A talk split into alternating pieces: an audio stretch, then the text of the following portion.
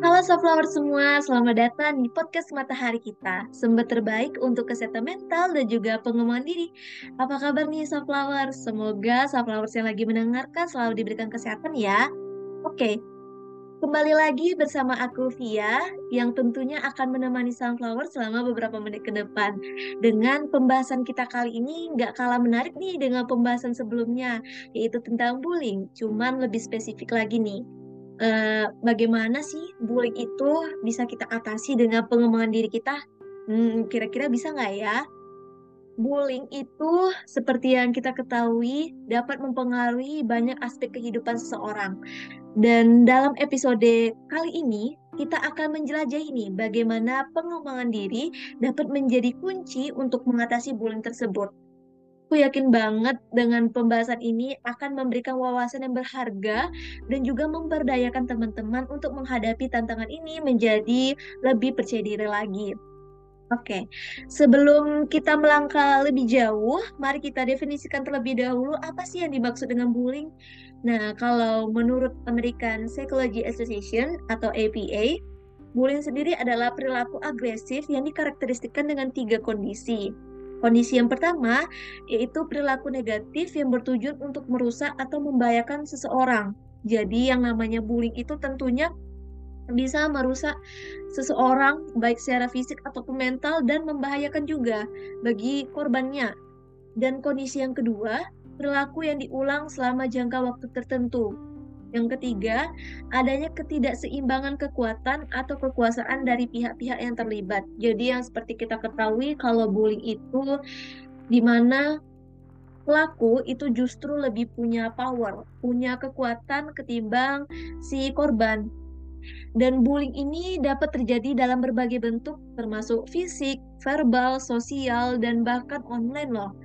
Jadi kalau misalnya kita artiin secara luas, bullying itu adalah sebuah tindakan untuk menyakiti seseorang atau kelompok dengan menggunakan kekuasaan baik secara verbal, fisik, sosial, cyberbullying maupun secara psikologisnya. Dan bullying ini juga banyak uh, bentuknya kan teman-teman sehingga bisa aja nih membuat seseorang itu merasa takut atau bahkan uh, malu dan minder jika berhadapan dengan orang lain. Nah, teman-teman, seperti yang kita ketahui, tipe-tipe bully itu kan banyak sekali ya.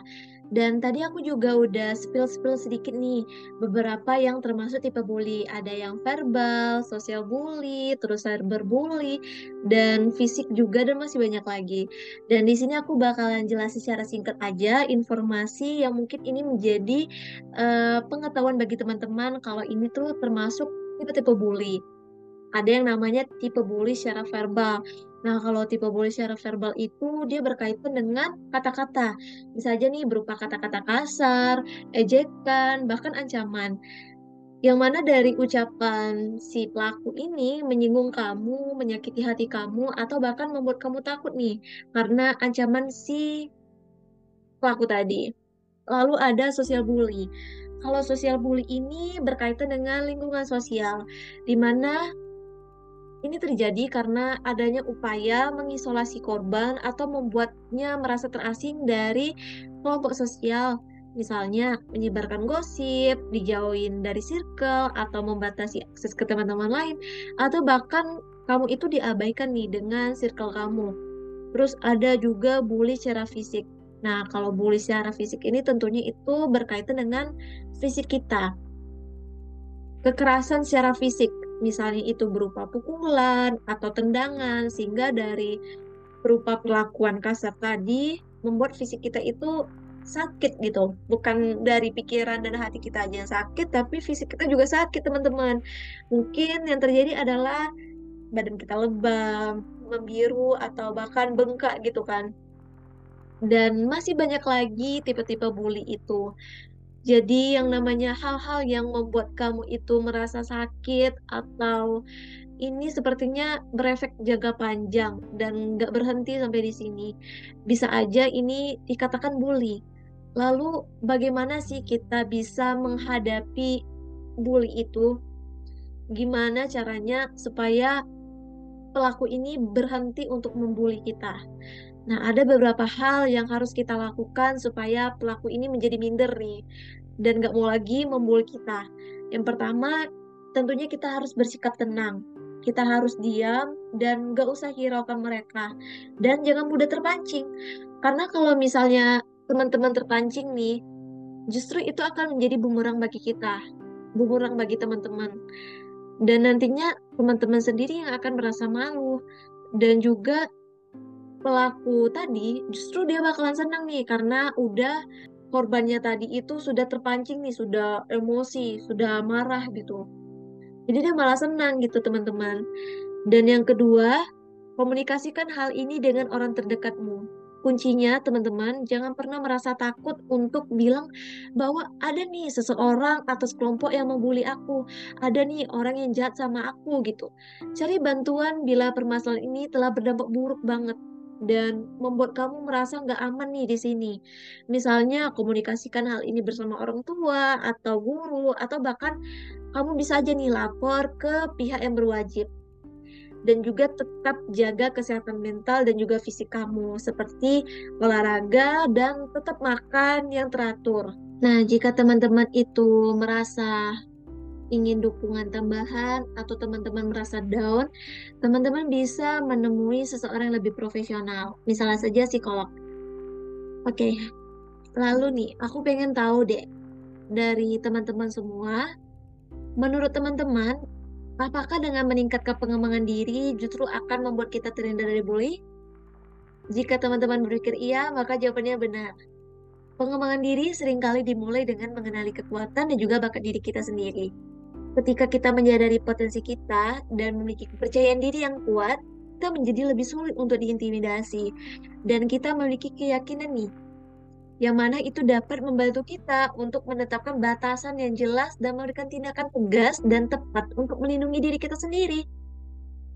Dan ada juga nih beberapa langkah untuk meningkatkan self development kita sehingga jika kita meningkatkan self development justru itu akan membuat kita terhindar dari bully. Langkah yang pertama, tentunya kamu harus bisa mencintai diri kamu sendiri. Dengan kamu itu mencintai diri kamu, kamu bisa dong untuk mengenali diri kamu sendiri. Nah, dari situ kamu bisa menemukan bakatmu, potensimu, dan kekuatanmu. Selain kekuatan tadi, kamu juga bisa nih menemukan apa sih yang nggak kamu bisa, apa sih kelemahan yang kamu miliki, dan tentunya kamu harus jujur pada dirimu. Apa yang sebenarnya kamu bisa dan apa yang sebenarnya kamu nggak bisa lakukan dan apa yang kamu bisa lakuin tadi kamu kembangin menjadi sebuah potensi dan juga uh, bisa menjadi bakat yang kamu peroleh gitu. Dan langkah selanjutnya, perkuat kepercayaan diri. Misalnya dengan tetap fokus pada pencapaian dan keberhasilan pribadi. Ambil tanggung jawab atas keputusan dan tindakan yang diambil. Lalu hadapi tantangan dan ambil pelajaran dari setiap pengalaman. Langkah yang ketiga, kamu harus tetap fokus pada pengembangan dan juga keterampilan yang ingin kamu capai. Misalnya dengan berpartisipasi dalam kegiatan organisasi atau misalnya ekstrakurikuler, sehingga dengan mengikuti kegiatan-kegiatan ini, kamu bisa belajar dan juga membantu meningkatkan kemampuan kamu. Dan masih banyak lagi hal-hal yang bisa meningkatkan self development kamu sehingga dengan meningkatnya self development ini justru akan membuat kita terhindar dari bully.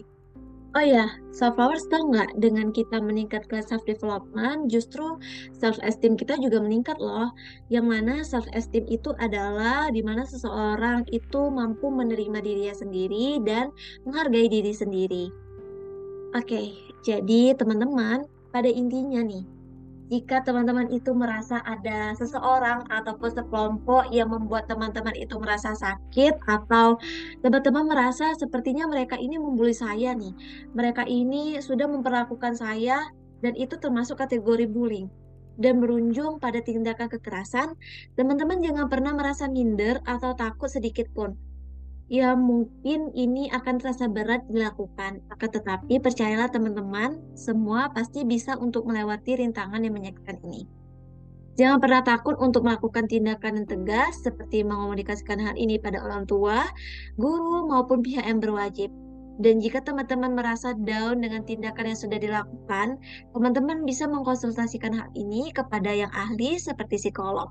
Dan jangan lupa bangkit dan kembangkan terus kalian teman-teman dan tunjukkan potensi karena ini merupakan kunci untuk memberantas tindakan bullying seseorang. Wah, Sunflowers, tidak terasa ya waktu sudah menunjukkan bahwa sesi episode kali ini akan berakhir Oh ya, jangan lupa untuk berbagi pemikiran dan pengalaman kalian di media sosial matahari kita ya, Sunflowers.